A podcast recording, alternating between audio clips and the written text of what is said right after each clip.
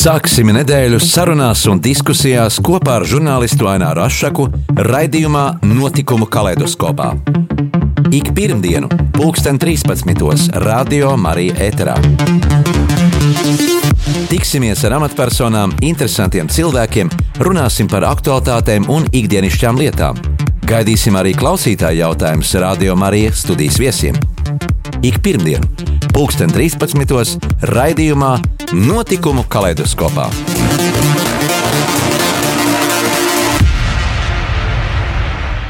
Esiet sveicināti mūsu radio klausītāji šajā klusajā advents laikā, un arī atļaujiet sveikt uh, radio arī 5. dzimšanas dienā, kopš skan mūsu raidījumi. Šodien gan mūsu saruna būs par tehniskām, bet strateģiski nozīmīgām lietām. Uh, ik viens no mums, mazāk vai vairāk, būs dzirdējis kaut ko par 5G mobilo sakaru tīklu. Taču lielākajai sabiedrības daļai priekšstats par to ir tikai no informācijas sociālajos tīklos, mm, kuri pasaules dažādu jomu speciālisti un zinātnieki, gan fiziķi, gan mediķi, gan žurnālisti eh, skaidro savus viedokļus Kas ar šīm tehnoloģijām varētu tikt darīts, kā tiktu panākt iedzīvotāju it kā izsekošana pēc paredzētās čipizācijas, tāpat izskan viedokļi par magnētisko viļņu, nelabvēlīgo ietekmi uz cilvēku veselību, bet arī m, mm, tie pozitīvie eh, rādītāji, ka saslēdzot mākslīgo intelektu, mēs iegūsim daudz ko eh, nu, perspektīvie tehnoloģijās. Kam ticēt, kam ne, lai rastu atbildes uz šiem jautājumiem, kāds būs 5G pienesums sabiedrībai. Šodien studijā uz sarunu esmu aicinājis valsts akciju sabiedrības elektroniskie sakari, attīstības un vadības departamenta vadītāju un arī nesen notikušā Baltijas jūras reģiona ekosistēmas fóruma 5G teritorija direktoru Nēlu Kalniņu. Labdien, Nēl! Labdien! Vispirms par to, kas tad ir uh, elektroniskie sakari valsts akcijas sabiedrība īsumā. Jā, patiesībā mēs esam valsts īpašumā esoša akciju sabiedrība, kuras galvenais uzdevums ir apsaimniekot un uzraudzīt, lai Latvijas unikālajā resursā, frekvenču spektrs, notiktu viss kā plānots, kā, kā vajadzīgs, un lai visi frekvenču spektra lietotāji savā starpā teiksim, tā, sadarbotos, miedarbotos viens otram netraucējot. Tas izklausās tā ļoti varbūt zinātniski, tā tīri praktiski, kas tad ir tas uh, frekvenču spektra lietotājs. Te es saku, nu, te ir vienkārši sākot ar mūsu bērniem, kas spēlējās ar radiovadāmajām mašīnītēm, uh, kas arī izmanto frekvenču spektru. Tas ir bez šaubām radio, kurš šobrīd skan. Mm -hmm, arī rācijas. Arī rācijas, uh, mobīlie telefoni, uh, satelīti, uh, kuģi, lidmašīnas. Principā visi, visi tie dalībnieki, kas izmanto kaut kādus radiosakaru līdzekļus, kas savā starpā sazinās bezvadā, bez vada. Jā. Jā. Nu, pēdējā laikā mēs daudz runājam par, par jaunajām tehnoloģijām. Ja atceramies, ka pirms 30 gadiem mēs vēl mm, nu, tik, tikko parādījās, ja nemaldos, pageri, kas pieņēma signālu pie jostas pieliktie pageri. Tad jau bija mobilie tāruņi, e, tie e, jau vēlāk, 90. gadu vidū. Tad tehnoloģijas attīstījās. Šobrīd 5G tīkls izraisīs tādu zināmu nu, diskusiju vētru sabiedrībā. Uh, jā, par ko tad mēs varam runāt, kas ir 5G, kas ir šis pārsteidzošais tīkls 5G. Jā. Nu, patiesībā mēs tādā profesionāļu vidē sakām, ka tas jau īstenībā nekas tāds ļoti pārsteidzošs nav. Uh, tā ir dabiska, loģiska uh, lietu uh, pēctecība, attīstība. Ja, tas, ko mēs ikdienā labi zinām, ir droši vien nu, 1G, 3G, 4G, tas, ko lieto, mēs ikdienā lietojam savos telefona aparātos. Šobrīd notiek vienkārši tehnoloģija tālāka attīstība, un mēs runājam par nākošās paudzes mobilo tehnoloģiju paudzi. Būtībā tas, kas ir būtisks un atšķirīgs šai piektajai paudzei, un arī visām nākošajām paudzēm. Jo par to nevajag teikt, domāt, ka ar 5G kaut kas apstāsies, nāks 6G un 7G, un droši vien vēl pēc pārdesmit gadiem mēs runāsim par 10G. Uh, bet tā būtiska atšķirība starp tām iepriekšējām paudzēm un nākošajām ir tas, kādai funkcijai viņas galvenokārt tiek attīstītas. Nu, tad, tas ir pakāpiens uz augšu. Eh, ja varētu tādu īstu skaidrojumu, kas bija 1G, 2G, 3G un 4G. Jā, tātad šie bija tātad sākotnēji, nu, ja mēs pavisam, pavisam atceramies savus pirmos mobilos telefonus, tad viņi darbojas NMT sistēmā. Tas atkal bija nosaukums vienai sakaru protokolam būtībā, kā viens mobilais telefons varēja sazināties ar otru mobilo telefonu. Un principā šajā saziņas protokolā mēs varējām panākt to, ka, nu, tā, uzgriežot kaut kādu konkrētu uh, telefonu numuru, uh, šis telefons, mūsu mobilais telefons, sazinājās ar to telefonu. Būtībā šī uh, ierīce nodrošināja ļoti labu uh, uh, balss saziņa. Tikai divus sakarlīdzekļus. Saziņa, jā, jā, saslēdzot divus sakarlīdzekļus kopā. E, attīstoties tālāk, jau būtībā kļūstot jau tehnoloģijām, arī no, pārējot no analogās sistēmas uz cipartehnoloģijām, mēs sākām iegūt 1, 2, 3 un pārējos gā, kam nāca klāt dažādas papildu funkcijas. Proti, pirmkārt, pats uh, sakaru uh, kvalitāte uzlabojās, uh, uzlabojās drošība, lai attiecīgi ja, nu, nebūtu iespējams teiksim, noklausīties sarunas vai notikt kaut kādiem nekvalitatīviem savienojumiem savā starpā. Parādījās iespējas sūtīt īsiņas, parādījās iespēja sūtīt multīziņas, kas nozīmē, ka bija iespēja uh, tekstam pievienot arī fotografiju vai, vai kaut kādu citu uh, bildi. Attiecīgi tālāk jau ar 3 un 4 G mēs iepazinām to, ka mums ir iespējams mobilajā telefonā izveidot savienojumu arī ar internetu un būtībā no sava mobilā telefona būtībā iegūt visu to informāciju, ko mēs ikdienā pirms tam bijām pieraduši iegūt no saviem stacionārajiem vai portatīvajiem datoriem. Tautā saprotamā valodā to varētu teikt, ka mēs varam visus banku rēķinus samaksāt, izmantojot uh, mobilo tālruni skārienu jūtīgo. Tieši tā. Šobrīd mēs varam izdarīt ļoti, ļoti daudz, uh, gan no tādām praktiskām lietām, kā apmaksāt savu rēķinu, iepirkties veikalā, mēs varam iegūt ne, dažne dažādu informāciju, kas mums ir nepieciešama. Un, protams, arī šīs tehnoloģijas lielā mērā rūpējās par mūsu ērtībām, pasakot priekšā, vai ir vai nav iespējams tajā vai citā autostāvvietā brīvs, brīvu vietu, kur jūs varat nolikt savu mašīnu.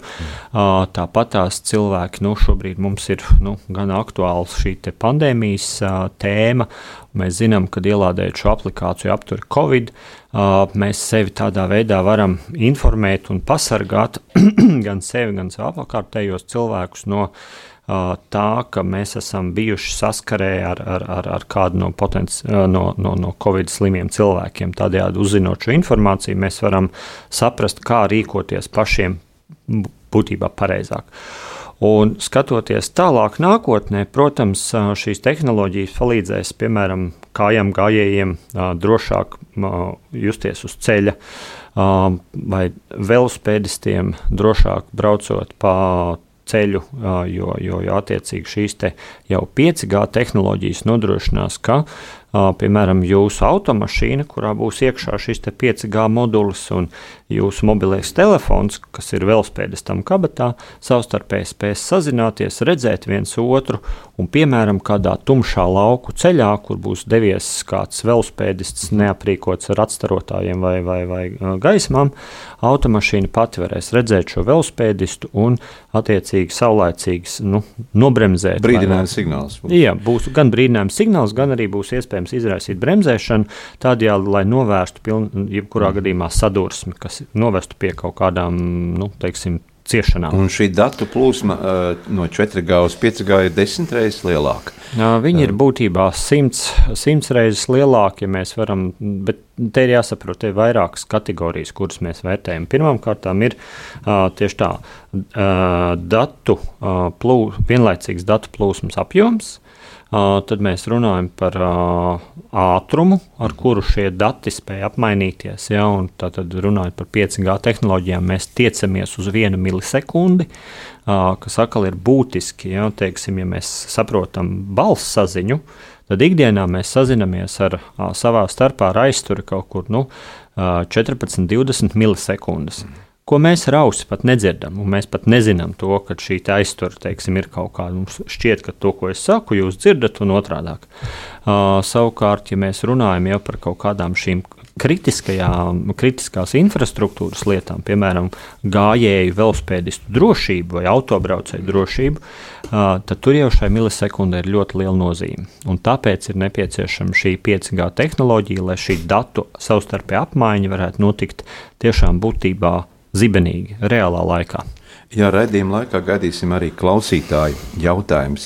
Jūs varat piezvanīt pa mūsu eh, tālruņa numuru studiju un mūsu viesim uzdot eh, tiešraidē jautājumu. Tālruņa numurs ir studijā 6 79 69 131. Atkārtoju 6 7969, 131, vai rakstiet SMS 266, 772, 72, SMS tātad 266, 77, 272, vai arī e-pastā savu jautājumu studija at rml.lv, studija at rml.lv.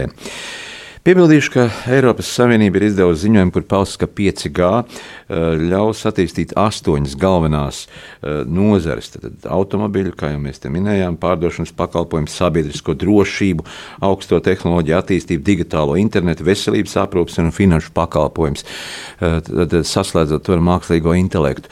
Pārdošanas pakalpojumu, sabiedriskā drošība, augstās tehnoloģijas jā, nedaudz par to arī veselības aprūpē tika minēts, ka varēs uh, mediķi kontrolēt uh, operācijas gaitu, ķirurģiskas operācijas kontrolēt ar, ar 5G tehnoloģijām. Uh, jā, šī ir nozīmīga uh, joma, kurā šīs 5G tehnoloģijas būs vajadzīgas. Tā ir veselības aizsardzība, uh, veselības aprūpe. Un šeit droši vien būtiskākais, kas ir jāuzsver atkal, tad uh, šī, šī te tehnoloģija tiks iesaistīta tur, kur ir teiksim, operācijas laikā nepieciešama ļoti liela datu apmaiņa.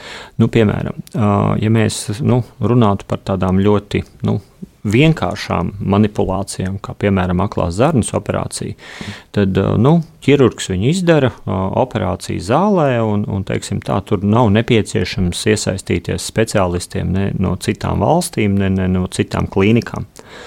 Bet mēs ar katru dienu iepazīstam ar vien vairāk un vairāk dažādas specifiskas saslimšanas, ar kurām slimo varbūt tikai daži simti vai daži tūkstoši iedzīvotāji uz visas pasaules, un arī šie cilvēki ir jāārstē. un šeit ir skaidrs, ka, piemēram, tādā mazā valstī kā Latvija, mēs nevaram nodrošināt, ka ārsti ir kompetenti nu, pilnīgi visu uh, slimību ārstēšanā. Uh, Bet tas, kas notiktu praktiski, ir, ka, piemēram, kāds ārsts varbūt kaut kur Minhenes klīnikā vai, vai mm -hmm. kaut kur, nezinu, Amerikā vai kādā citā valstī, ir specifiski apguvis zināšanas vienas konkrētas, ļoti retas slimības ārstēšanā. Un lai šim ārstam nebūtu tālāk jāceļo pa visu plašo pasauli, tērējot milzīgu laiku pārlidojumos un dažādās tādās problēmās, tehniskās lietās, izmantojot 5G, mēs būtībā spēsim šo ārsta klātesamību nodrošināt ar internetu palīdzību. Klātbūtne, klātbūtne būs iespējama Vir, virtuāli, jā. virtuāli klātbūtne. Tas nozīmē, ka viņš atrodoties savā vai nu kabinetā, vai pat ne tikai kaut vai savā mājā, viņš mm. atrodoties, viņš varēs saņemt visus šos ļoti lielos datus, jā, jo, ja mēs runājam vienalga par kādu jau, jau, jau uh, procesu, kas ir veikts ar pacientu. Teiksim, nezinu, vai tā ir bijis rentgena attēls, kas arī vairs jau sen nav tikai vienkārša viendimensionāla bildīte jā, vai, vai divdimensionāla bildīte, tur jau mēs runājam par 3D bildēm un tā tālāk. Uh, un viņas visas ir ļoti, ļoti lielas no datu uh, punktu skatoties. Un tas nozīmē, ka šai, šim lielajam datu masīvam, šai trīsdimensionālajai bildē ir jānonāk piemēram pie kāda profesora Minhenē. Tas nozīmē, to, ka ir vajadzīgs ļoti ātrs uh, sakaru kanāls, pa kuru šī datu plūsma var noritēt. Ārsts attiecīgi apskatās savā pusē, dod savu vērtējumu, un viņam ir jāspēj dot atpakaļ šo pašu datu masīvu ar savām kaut kādām, piemēram, atzīmēm vai ieteiktajām manipulācijām. Protams, pavisam ieskatoties tādā tālā nākotnē, būt, mēs varētu runāt arī par to, ka ķirurgs Bonnā spētu uh, nu, operēt pacientu Rīgā. Ja, vadot tādus vai citus o, tehniskos līdzekļus, kas atrodas šeit Rīgā. Bet nu, šeit man jāsaka, ir godīgi, tām vēl nav tik liels sakars ar 5G, jo es teikšu, tā sakaru protokols un tehniskā iespēja jau ir. Bet jautājums, vai mums ir tik drošas medicīnas tehnoloģijas, ar kurām rīkojoties kaut kur tālu projām, mēs uzdrīkstēsimies ārstēt savus pacientus šeit, Latvijā. Droši vien tur vēl ir kāds laiciņš uh, nepieciešams, lai, lai šīs tehnoloģijas rastos, lai viņas tiktu pārbaudītas. Un, un visi būtu simtprocentīgi pārliecināti, ka tas cilvēkam ir pilnīgi droši. Es domāju, jā, dzirdot to, mēs domājam, ka jūs pārliecinājāt, tomēr, ka tas ir nākotnes solis, kas uh, pierādīs to, ka šīs tehnoloģijas tiešām uh, spēs eh, paveikt daudz vairāk. Ja savulaik arī mēs neticējām, ka kā tas ir, ka var nosūtīt vēstuli vai fotografiju teiksim, pāris sekundžu laikā pilnīgi uz citu valsti, tā, tas e-pastā notika, ja? mm -hmm. vai, vai sazināties ar Skype vai, vai WhatsAppā ar, ar, ar, ar cilvēkiem citur pasaulē. Jā, bet tagad muzikāla pauze, un pēc brīdiņa mēs atkal sarunu turpināsim un gaidīsim arī jūs, jūsu zvanus šeit studijā. Tātad tālruņa numurs ir 679, 691, 31, 679, 691, 31. Atgādinu, ka mēs sarunājamies ar valsts akcijas sabiedrības elektroniskajā sakara attīstības un vadības departamentu vadītāju Nēlu Kalniņu.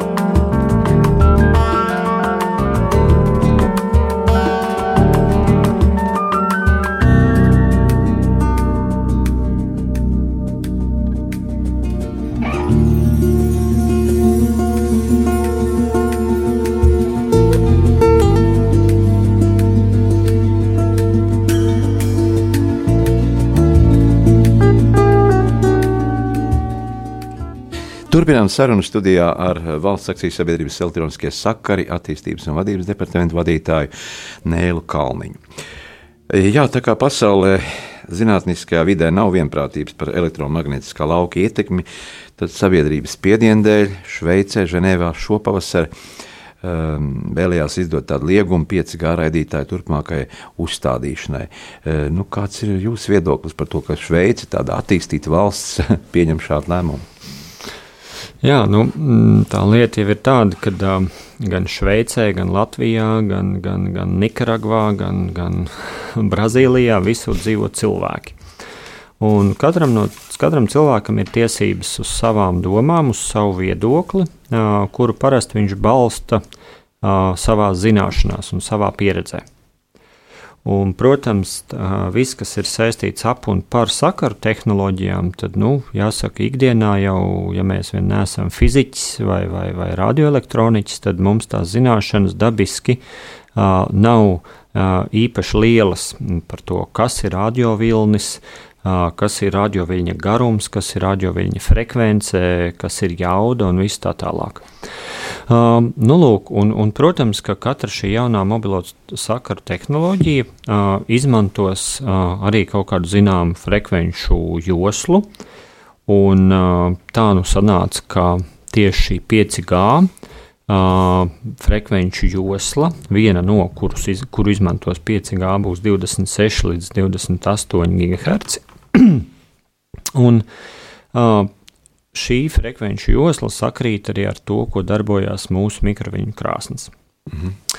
Un te, nu, protams, parādās tas jautājums, ka, mm, vai tad nu, tiešām tagad būs tā, ka daudz milzīgi jaudīgas mikroviņu krāsnes tiks salikts uz daudz māju jumtiem.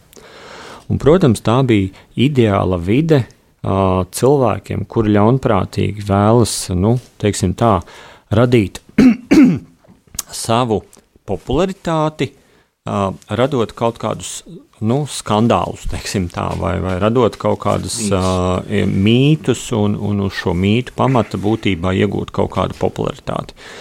Un, un, un, protams, ka to cilvēku nav maz. Kā mēs zinām, ir joprojām lielas iedzīvotāju grupas, ja mēs skatāmies uz pasauli kopumā, kas, kas tic, ka Zeme ir plakana. Tāda pati iedzīvotāja grupa ir, kas tic, ka cilvēks uz mēnesi nekad nav izkāpis, ka tā viss ir nu, Holivudas inspirācija. Un tā tālāk, un tā tālāk. Un, protams, 5G vai vispār bezvadu tehnoloģijas ir ļoti pateicīgs tāds sarunu priekšmets, ap kuru vīt dažādas, dažādus mītus. Jo pa lielam jau neviens cilvēks tā īsti nevienu hercu roku tā teikt nav pačamdījis un, un, un nevienu uh, frekvenci, kā teikt, ar aci nav redzējis, vai ne? Uh, nu, izņemot tos, kas varbūt ar oscillogrāfu ir padarbojušies. Kas elektromagnētiskos viņus mēra. Jā, kas mēra elektromagnētiskos viņus. Tieši tā. Nu, lūk, un, un, un tas, tā, tā ir tā vide, kur, protams, cilvēki tiek, nu, būtībā, nu, es teiktu tā, dezinformēti. Un, protams, liela cilvēku grupa, kas uh, efektīvi ir dezinformēta, sāk pieprasīt kaut kādas savas uh, iedomātās uh, tiesības, vai, piemēram, vēlas aizliegt uh, izveidot jaunus mobilo sakaru torņus. Un tepat nevajag 5G, un tepat nevajag Šveici. Uh, piemēram, es pats dzīvoju Čekavas novadā, kur viens no operatoriem bija nolēmis būvēt jaunu torni, lai sekotu tām iedzīvotāju vajadzībām, kuras viņi paši rakstiski bija pauduši. Viņi tātad bija rakstījuši mobilo sakaru operatoram, lūdzu, nodrošiniet mums labākus sakarus 4G. Mhm operators uh, vēlas būvēt torni, tad šie paši iedzīvotāji ierodās pie uh, pašvaldības un paziņo, jā, bet šeit torni lūdzu nebūvējiet. Un tagad mēs nonākam tādā zināmā dilemā. No vienas puses, cilvēki grib labākus sakarus, Bet no otras puses, nē, nu, torni gan būvējiet kaut kur tur pavisam tālu projām, nezinu, kaut kur jūrā vai, vai Krievijas pierobežā, bet katrā ziņā pēc iespējas tālu no manām mājām. Nu, lūk, un tas pats ir ar šo 5G par minētajiem Ženēvas un, un, un, un Briseles piemēriem, ja, kur principā, uh, ja liels kaut kāds cilvēku skaits saka, nē, mēs to nevēlamies, tad pašvaldībai, protams, tajā kaut kā, uz to kaut kā ir jārēģē. Viņi nevar izlikties vienkārši par beigtiem, tad vai nu viņi izskaidro un pastāsta, vai arī nu, ierobežo uz kaut kādu laiku šī, šo tīklu at attīstību. Un te es gribētu tomēr uzsvērt, abās šajās vietās nav runa par 5G tehnoloģiju aizliegumu, mm. bet tikai par ierobežojumu. Uh, līdz attiecīgi kaut kādas papildu informācijas noskaidrošanai, vai precīzāk sakot, līdz tam brīdim, kad pašvaldība, valsts, citi sistēmā iesaistītie teiksim, dalībnieki būs spējuši racionāli izskaidrot iedzīvotājiem, kas tad ir 5G, kas tad būs tas par frekvenci, kas tā būs par frekvenci, kas tiks izmantota, un vai tas atstāja vai neatstāja kaitīgu iespaidu uz iedzīvotāju veselību. Es pats atceros, ka 80. gada beigās braucām līdzi ar televīzijas grupu uz skrundas lokatoru. Un toreiz arī bija tādi entuziasti, kas mērīja šo skrundas lokatora elektromagnētiskā starojuma ietekmi uz uh, dzīvniekiem, uz, uz cilvēku veselību.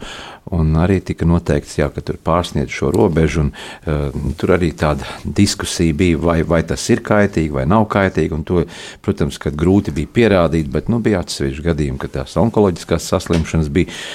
Uh, vai tā arī, uh, vai tā laika šīs tehnoloģijas jau bija kaut kas arī mūsdienās saistītajām? Redzat, svarīgākais pie visā šajā jautājumā īstenībā ir noskaidrot, ar kādu jaudu darbojās konkrētais raidītājs. Raidītājs. Ja? Mm. ja mēs paņemtu to pašu mikroviļņu krāsni, ja?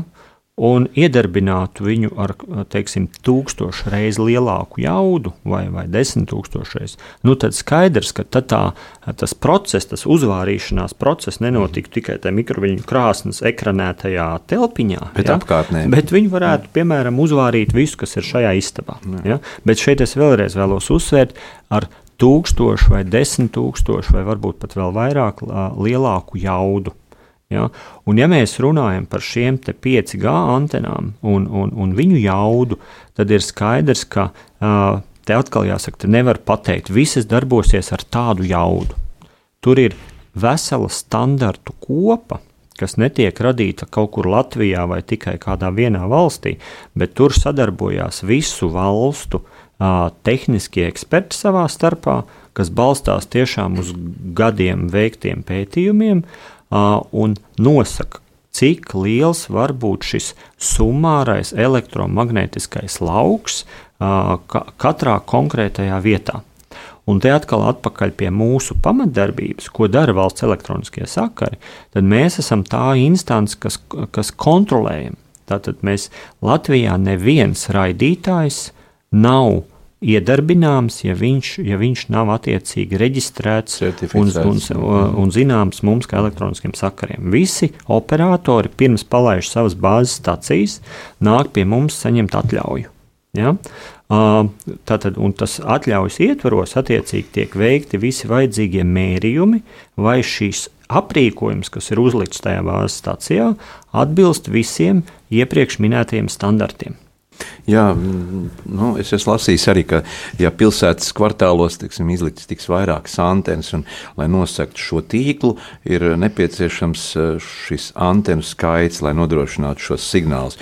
Eh, bet, ja kāda valsts, kā jau minēja Šveice, eh, atsakās, tad tas, tā, tā izkrīt Eiropas valsts no, no šī, šī kopējā tīkla ritma. Uh, viņa nekur neizkritīs. Sāksim ar to, ka 5G jau kā tīkli īstenībā vēl tā pilnasinīgi nevienā valstī nedarbojas. Izņemot, varbūt, uh, skatoties austrumu valstis, kā piemēram Dienvidkoreja, Japāna vai Ķīna, ja, tad, tad tur jau ir, mēs varam runāt par pilnvērtīgu 5G tīklu, kas jau ir tādā uh, nacionālā mērogā ieviests šajās valstīs. Uh, Eiropa, diemžēl, vēl joprojām ir diezgan tāda, nu, atpalikusi, sauksim tā, ja, uh, un, un nekur tāds pilnvērtīgs 5G tīkls vēl nav, nav izvērsts. Jā, ir atsevišķi starta vai tādi sākotnējie tīkli, tādi ir gan Latvijā, gan Lietuvā, gan Vācijā, gan tai pašā Šveicē, starp citu, uh, Austrijā, Beļģijā, uh, bet, bet tas viss ir tikai sākums jo šis sākums uh, notiek ciešā sazobē ar sabiedrību, ar sabiedrības informēšanu, ar sabiedrības iesaistīšanu un tāda veselīga konsensusa atrašanu uh, starp tiem, kas to tīklu lietos, un tiem, kas to tīklu attīsta. Jā. Ja. Tur kaut kur arī presē parādījās tādas versijas, ka tur izmirušas bites, ir bojā gājuši putni, un, un, un, un, un tur atkal kaut kāda tādas leģendas klīd, ka tas mm. varētu būt no šīm bāzes stacijām, kas izvietotas tūmā. Protams, grūti to pierādīt, bet vai zinātnieki arī veikuši šādus nu, specifiskus pētījumus? Protams, ar to strādā milzīgas zinātnieku grupas visā pasaulē, gan, gan, gan Eiropā, gan, gan Amerikā, gan citās valstīs, lai pētītu šo elektromagnētiskā starojuma ietekmi uz dažne dažādiem organismiem. Kas attiecās par tām bitēm un tiem putniem, kas iet bojā, nu, tas atkal tas interesantākais ir tas, ka tās 5G antenas vēl pat nav uzstādītas, bet tās bites jau ir nomirušas. un, un tas, protams, bieži vien šīs visas ziņas uh, padara tādas īpaši komiskas, ja tu saproti, nu, tāpat kā nu, jūs droši vien arī dzirdējāt, uh, vasarā Lielbritānijā bija tāds liels uzlidojums bāzes stacijām, un tur tas aizgāja nu, pavisam tādā uh, trakā veidā. Tur, tur demolēja, un, un tas trakākais, kad arī uzbruka cilvēkiem, vienkāršiem inženieriem, kas šīs stacijas būvēja, uh, izsakot vis, visneiedomājamākos draudus, uh, lai, lai, lai attiecīgi viņi pārtraukt savas, savas darbības. Un kas ir pats interesantākais, atkal šeit mēs nerunājam par 5G, bet mēs runājam par ikdienas infrastruktūras uzturēšanu. Un tās stacijas, kas tika izdemolētas, bieži vien bija 4 un 3 G stacijas, uh, kuras nodrošināja mūsu ikdienas dzīves ritmu. Un tagad Jā. iedomājieties situāciju, ka, piemēram, arī policija izmanto uh, 3 un 4 G, un arī ātrā palīdzība izmanto 3 un 4 G. Un iedomājieties tagad, ka notiek uh, šādi vandālismu akti, un pēkšņi kāds no šīm kritiski svarīgajām vienībām paliek bez sakariem. Tāpēc, ka kāds ir iedomājies, ka uh, pasauli pārvalda kaut kāda sazvērnieku armija, uh, kas tagad grib uh, soli pa solim visus cilvēkus iznīcināt. Es tik vienmēr pēc tam saku, kā te jūs domājat, tie sazvērnieki dzīvo kaut kādās ekranizētos būros, uh, Uh, kur šie 5G vispār nekādā veidā neietekmē. Mums ir arī klausītāja jautājums, uh, uzrakstīts um, īsiņā. Tad, uh, kad Latvijā plāno ieviest 5G? Jā, Latvijā 5G tehnoloģija ieviešana būtībā ir sākusies jau pagājušajā gadā, kad tika palaistas pirmās eksperimentālās bāzes stacijas. Un es domāju, ka par tādu jau tiešām nacionālu mēroga tīklu mēs varētu runāt nu, nākošo divu gadu laikā. Jā, jo tas, kas šobrīd ir, protams, operatori ir gatavi šo tīklu būtībā ieslēgt. Jau. Kas investē šos līdzekļus? Tā ir milzīga operatori. operatori. Tie ir mobilo telekomunikāciju operatori, kas Latvijas gadījumā ir Latvijas mobilais telefons, Tele2 un Bite. Tātad viņi investē savus līdzekļus attiecīgi, lai veidotu. Tas ir milzīgas summas. Tas ir, protams, un tāpēc arī dažādi operatori iet dažādu ceļu. Piemēram, LMT ir izvēlējies, ka viņi ies uh, to ceļu, kādu viņi ir gājuši līdz šim, ka viņi paši būvēs šo tīklu. Savukārt, Tele2 un Bite saprotot to, ka tās tiešām ir milzīgas investīcijas, un katrai no šīm kompānijām tas varbūt nebūs pa spēku. Vai tas nesadārdzinās arī pakalpojumu cenu mūsu iedzīvotājiem, patērētājiem? Es domāju, ka 5G tehnoloģiju pakalpojumu tīkls būs uh, vismaz sākotnējā brīdī noteikti dārgāks mm. nekā tas, ko mēs e, izmantojam 4G, bet te es atkal gribu uzsvērt, mēs parastie iedzīvotāji, kuri šodien izmantojam savus mobilos telefonus un WhatsApp, Facebook, internetu pārlūku programmas, mums tur nav nepieciešams 5G. Ja? Mm. Un mēs vēl daudzus, daudzus gadus lietosim to tehnoloģiju, kas mums ir šodien. Jā. 5G būs tām tehnoloģijām, kas jau būs tādas vairāk industriālas, ražošanā, sadzīves, ikdienas drošības nodrošināšanā un tā tālāk. Mums kāds klausītājs arī raksta, ka paldies par interesantu raidījumu. Vai tad, kad būs 5G, būs jāpērk jauni telefoni? Uh, ja cilvēks vēlēsies izmantot uh, 5G servisu, uh, pieslēgties 5G tīklam, jā, tad viņam būs jāiegādājās jauns mobilais telefons. Mm -hmm. uh, cik zinu, šobrīd jau daži, uh, daži telefonu ražotāji jau piedāvā šādus telefonus, bet es atkal gribu teikt, nu, nesteidzamies. Nu, manuprāt, tas nav videi draudzīgi, ka mēs katru pusgadu skrienam uz veikalu un pērkam jaunu mobilo telefonu. Manuprāt, tie aparāti, kas ir mums jau ikdienā mūsu rīcībā, ir pietiekoši jaudīgi, spēcīgi, ar viņiem visu var izdarīt esošo tīklu ietvaros. 5G būs droniem, tā būs automašīnām, kas būs uz ceļa, Tas būs lidmašīnām, tas būs kuģiem, tas būs ražojošiem uzņēmumiem, tas vienkārši būs citai uh, vajadzībai. Jā. Nevis mūsu saziņā ikdienā. Neliela muzikāla pauze. Atgādinu, ka mēs studijā sarunājamies ar valsts akcijas sabiedrības elektroniskās sakara attīstības un vadības departamenta vadītāju Nēlu Kalniņu. Un saruna mums ir par 5G tīkla ieviešanu, bet lai skan mūzika.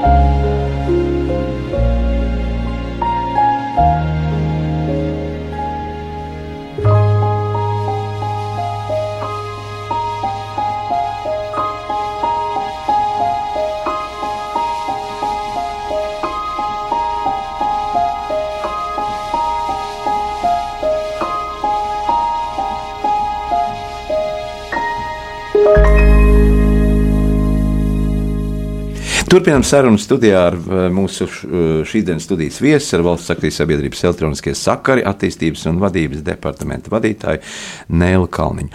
Un viena klausītāja mums arī mm, grib uzzināt un raksta, uh, cik ilgi mēs vēl GSM tīklu lietosim.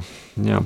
Es domāju, ka nu, ļoti ilgi, un es nebaidīšos teikt, ka nu, vismaz desmit gadus uh, pārliecinoši mēs lietosim tās tehnoloģijas, kas, kas ir mums šodien būtībā. Ja? Jo arī tagad, ja mēs skatītos uz saviem mobiliem telefoniem, tad mēs pat nezinām īsti, kuru uh, GSM vai, vai kuru G mēs izmantojam, vai, vai divi, vai trīs, vai četri.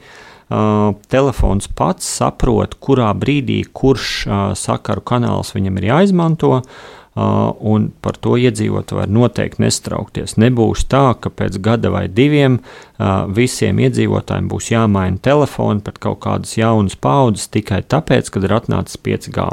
To es varu ar pilnu atbildību teikt, ka tas tā nebūs. Pavisam nesen, pirms mēneša, Rīgā notika Baltijas jūras reģionas ekosistēmas fórums 5G teritorija. Un jūs bijāt šī fóruma direktors. Un nedaudz par šo fórumu, kas notika ne klātienē, bet tieši attālinātā veidā. Tur bija vairāku valstu zinātnieki un speciālisti savus viedokļus izteica tieši par 5G tehnoloģijām, jo Latvija šobrīd arī tādā nu, privileģētākā situācijā, kā zinām. Jā.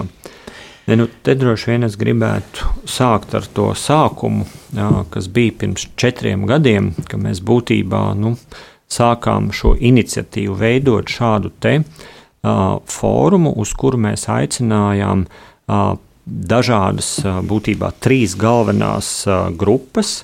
Uh, tātad uzņēmējus, kas strādā pie šīs tehnoloģijas strādes, uh, zinātniekus, kas pēta visas šīs tehnoloģijas, un politikas veidotājus, gan, gan politiķus, gan arī tā, ierēģņus, kuri strādā tieši pie likumu izveidošanas, kas ir saistīti tieši ar to vai citu tehnoloģiju nu, tā, pielietošanas atļaušanu. Un tas mērķis mums bija, mums bija vairāki. Pirmais bija tas, ka pirmkārt parādīt, kad ir uz pasaules tāda Latvija, un īstenībā Latvija ir ļoti attīstīta šajās te uh, radiokomunikācijās, telekomunikācijās. Mums ir šeit tādi izcili uzņēmumi kā Mikrotiks, uh, kā Saftehnika, kā Latvijas mobilais telefons un citi, uh, kuri īstenībā nestoties uz to, ka maziņi un mazā valstī dara ļoti lielas lietas arī no pasaules skatu punktu skatoties. Un mēs vēlējāmies pirmkārt pasaulē par to dot zināt, otrām kārtām uzaicināt šos cilvēkus, dažādu valstu ekspertus uz šejienu, lai viņi iepazītos ar tiem rezultātiem un tām darbībām, ko mēs šeit darām, cerot, ka viņiem varētu rasties vēl papildus interese sekmēt biznesa, ekonomikas attīstību, zinātnes attīstību šeit, Latvijā. Un tas bija tas iemesls, kāpēc mēs sākām veidot šo uh, fórumu. Un šis pēdējais, trešais fórums bija speciāls, protams, ar to, ka nu, tāpat kā daudzi gada sākumā mēs visi nonācām Covid situācijā, uh, ka mēs sapratām, ka mēs vairs nevaram klātienes pasākumu uztaisīt. Līdz ar to mums atkal tika mests, ja tā var teikt, tāds jauns izaicinājums, kā nodrošināt uh, visus tos procesus, kurus mēs gribējām, tieši cilvēku savstarpējās komunikācijas ziņā, pilnīgi jaunā vidē. Nesot cilvēkiem klāt kopā vienā zālē, bet esot katram atsevišķi savā vietā. Amerikā, Indijā, Eiropā, Baltijā, visās citās vietās, bet nodrošināt šo pasākumu interesantu, jo, protams, mēs varbūt tie, kas ir piedalījušies tādās uh, interneta apmācībās, un webināros un dažādos citādos pasākumos bieži vien ir sajutušies nu, pēc tā pasākuma kaut kā tā jocīgi. Nu, tā kā biju, tā kā dzirdēju, bet nav tās cilvēciskās sajūtas, kas parasti, kad cilvēks aiziet klātienē, piedalās kaut kādā apmācību procesā vai kādā zinātniskā konferencē. Un tas ir liels izaicinājums, ar kuru mēs centāmies savu iespēju robežās tikt galā. Un redzot to, kādas atsauksmes mums nāk no mūsu klausītājiem, no dalībniekiem, laikam diezgan sekmīgi. Jā, arī no mūsu klausītājiem vēl ir jautājumi.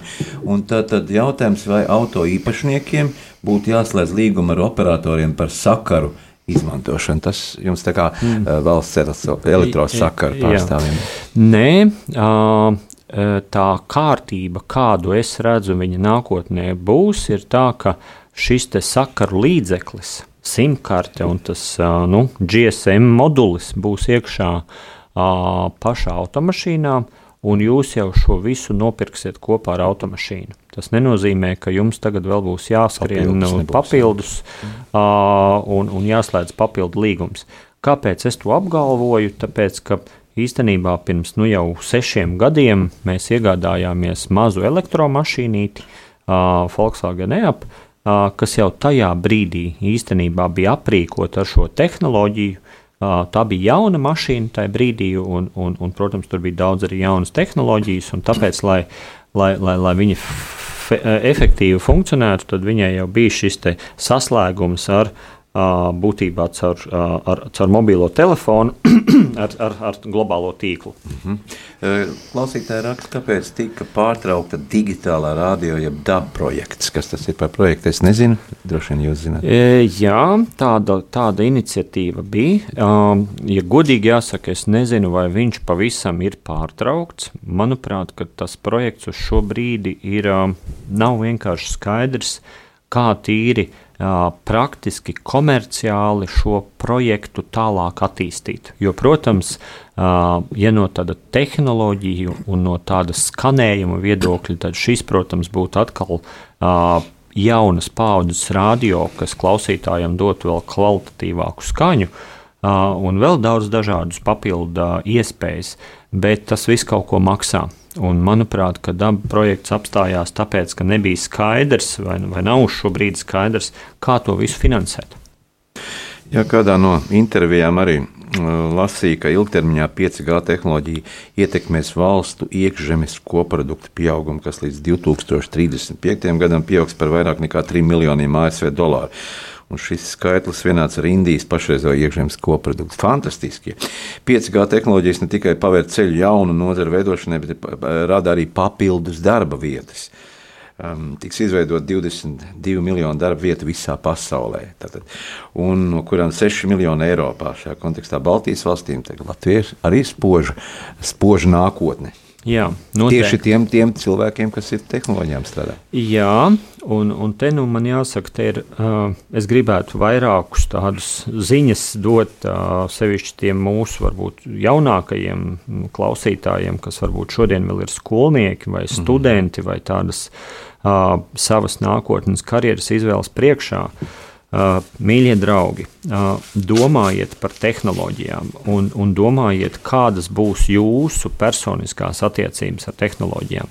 Un, un to es jums nesaku tāpēc, ka es nāku no tehnoloģiju uzņēmuma vai pats esmu arī aizrāvies savā veidā ar šo visu, bet tā, tā līdzība ir tāda, ka uh, tad, kad es beidzu skolu, uh, tas bija pagājušajā gadsimtā, ja, uh, Tad, tad bija viena no tādām ļoti lielām vērtībām, ja es pabeidzu skolu un es mācīju, teiksim, trīs, četras svešvalodas. Un tajā brīdī es, nu, teiksim, man kā darba ņēmējam vai kādas sava uzņēmuma veidotājiem bija daudz labākas izējas pozīcijas. Es varēju sazināties ar vāciešiem, ar angļiem, ar jebkuriem, ar, ar krieviem un pārunāt ar viņiem sevi interesējošos biznesa jautājumus. Tad šodien tas pats jautājums ir tieši ar šīm tehnoloģijām. Prasmes izprast tehnoloģijas un prasmes, nu, es teiktu, programmēt vai, vai, vai saprast uh, programmēšanu. Tās ir tās lietas, kas jums, mīļie draugi, šodien ir jāmācās. Uz kādiem priekšmetiem būtu jāliek uzsvers šiem skolēniem? Fizika, ķīmija vai, vai matemātika, ne, geometrija? Nu, neš, nešaubīgi, ka matemātika ir viss vis pamatā. Jā, mm -hmm. nu, tas, ko es savam puikam stāstu, ir tas, ka man, man šķiet, ir trīs priekšmeti, kur ir fundamentāli. Uh, valodas joprojām neviens nav atcēlis. Uh, un jo vairāk valodas zinās, jo tev dzīvē būs labāk, kom, vienkāršāk komunicēt ar, ar, ar citu valstu cilvēkiem. Jo, lai arī šīs pašas modernās tehnoloģijas mums šodien dod iespēju tulkot, tulkot es varu savam telefonam stāstīt tekstu latviešu, un viņš man smuki visu stāstīs atpakaļ vāciski. Ja? Nav problēma. Bet tad, kad tu nonāc Vācijā, un tad, kad tu gribi risināt kaut kādu nopietnu jautājumu, piedod, uh, ja tu spē, spēsi ar šo cilvēku runāt kvalitatīvā vācu valodā, tas būs pilnīgi cits sadarbības ātrums nekā, ja tu to darīsi ar mobilo telefonu. Otrs priekšmets, manuprāt, ir matemātika, jo matemātika ir, liekas, visloģiskākā zinātne pasaulē, kas ir. Un, ja tu uz matemātiku spēj skatīties jau kā uz mākslu, kā uz bildi, saprast skaitļus, saprast būtību, kas ir kvadrāts, kas ir laukums, kas ir telpa, kas ir divreiz divi un kas ir divi plus divi, uh, tad īstenībā šo pašu loģiku. Ar caur šo pašu loģiku skatoties uz daudzām dzīves lietām, tu spēj rast skaidrojumu, kāpēc kaut kas notiek tā vai kāpēc kaut kas nenotiek tā. Un trešā lieta, man liekas, ir vēsture jo vēsture mums iemāca uh, saprast lietas, kā viņas ir attīstījušās, sākot no, nezinu, tur, kas nu kā to sauc, jā, tur, nu, pasaules sākuma. Mm. līdz, līdz, līdz caur dinozauriem, caur tiem, caur kaut ko vēl, līdz mūsdienām, līdz viduslaikiem, no viduslaikiem līdz mūsdienām. Mēs visur redzam šīs cīņas starp cilvēkiem par vāru. Mēs redzam to, ka sākumā mēs strādājam ar koku instrumentiem, pēc tam ar metāla instrumentiem. Tad mēs redzam mūzikas attīstību, mēs redzam tie paši sintēzatori, kas parādījās mūzikā. Jā, agrāk un, spēlēja grupa, tagad ir viens cilvēks. Tie, tieši tā.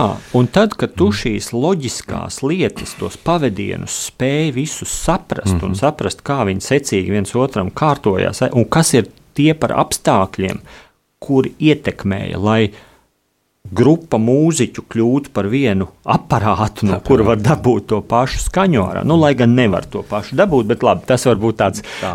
jā, jā, tāds jā, jā. Uh, muzikālo gardēžu jautājums, bet principā tās ir lietas, kuras mums der šodien mācīties un saprast, un kas ir pats būtiskākais, ir iemācīties mācīties. Mm -hmm. Jo tā ir vēl viena lieta. Akal, tad, kad es beidzu skolu, bija liela pārliecība, ka es izmācīšos par kaut ko to, vienalga. Tur uh, fiziķi, vai, vai matemātiķi, vai, vai pārdevēju, vai, vai, vai, vai, vai auto atslēdznieku. Es to darbu darīšu visu mūžu. Jā, bet vēl Tā par izsakošanas lietām. Jā, cilvēki jā. ļoti daudz arī uh, tādu jautājumu uzdod. Uh, nu, kā tas būs 5G tehnoloģijas? Tā ir it kā tomēr saistīta ar nu, daudz vai vairāk vai mazāk ar militārām tehnoloģijām. Uh, izsakošana, uh, cilvēku novērošana. Eh, kā jūs skaidrot šo lietu? Jā. Nu, te es vienmēr saku, tā nevajag darīt blēņas, mm. un tad nebūs uh, bail, ka kāds tev paseko. Ja? nu, labi, to es vairāk saviem bērniem saku, protams, ja? bet tā, tā lieta ir ļoti vienkārša. Ja mēs atkal skatāmies no tāda pasaules skatījuma, tad man ir tiešām prieks, ka Latvija ir daļa no Eiropas. Jo Eiropa ir vienīgā valsts, vienīgā, precīzāk sakot, valstu savienība pasaulē, kur cilvēka privātums un privātie dati patiešām ir vērtība, un par to viņu tās, tā privātuma ievērošanai arī skatās. Varbūt daudz mēs esam dzirdējuši nu, par to saucamo GDPR. Ja? Uh, tā ir lieta, kas darbojas tikai Eiropā. Ja? Tad, kad jūs ieiet jebkurā interneta mājaslapā, jebkurā mm, lietotnē, jums visur tiek prasīts, vai jūs piekrītat, piekrītat. vai nepiekrītat. Piekrīt, un tas ir jūsu lēmums. Vai jūs ar šiem datiem dalāties vai nē? Ja? Vai jūs ļaujat savus datus kādam citam lietot vai nē? Vai jūs ļaujat kādam citam, piemēram, jūsu bankai, jūsu datus nodot kādai trešajai pusē? Un Eiropā patiešām šīs lietas tiek uzraudzītas un kontrolētas, un vismaz es kā pilsonis jūtos droši. Jāsaka, tieši tā, kamēr es nesāku nodarboties ar kaut kādām nelegālām lietām, un par mani kādam varētu rasties specifiska interese no drošības struktūrām vai, mm. vai, vai vēl kādām citām struktūrām, tikmēr es varu justies pilnīgi droši. Un to es varu teikt jebkuram pilsonim, nedariet muļķības, un jums nav pamats, lai jums kāds īpašs sekotu. Jā. Un vēl kāds jautājums arī, kāda jūs bijusi kolēģi, sūt jums sveicienu, tādu arī izziņā, mm. vai jūs varat uzminēt, un tā ir no jūsu iepriekšējās darba vietas, kura tā varētu būt? mm. Ines Lūka varbūt. Nebūs. Trīs reizes ļaušu minēt. Trīs reizes ļausiet minēt. Iepriekšējās darba vietas. Uh, domāju. Nu, tad, tad ļoti arī tāda attraktīva. Nu, man, man ir bijuši tiešām ļoti interesanti, es vienmēr esmu lepojies ar tiem savā, savām komandām, ar kurām es esmu Jā, strādājis. Piebildīšu, ka viņi ir arī mana kursa biedrene. Mēs esam mācījušies mm, kopā. Vineta Dadeka? Jā, tieši tā.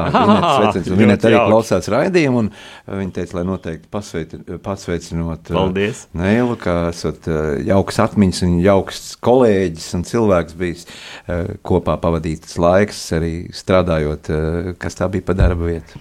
Jā, es uh, savulaik, laikam, 14 gadus uh, vadīju savu konsultāciju uzņēmumu, kā konsultācijas. Jā, mums ar mhm. Vinetu bija ļoti, ļoti jauki daudz projekti saistībā gan ar gan ar uzņēmējdarbības attīstību, gan ar pilsētu plānošanu, kas bija jāsaka tā mans darbs, ko es darīju līdz tam brīdim, kad es nonācu elektronisko sakaru varā.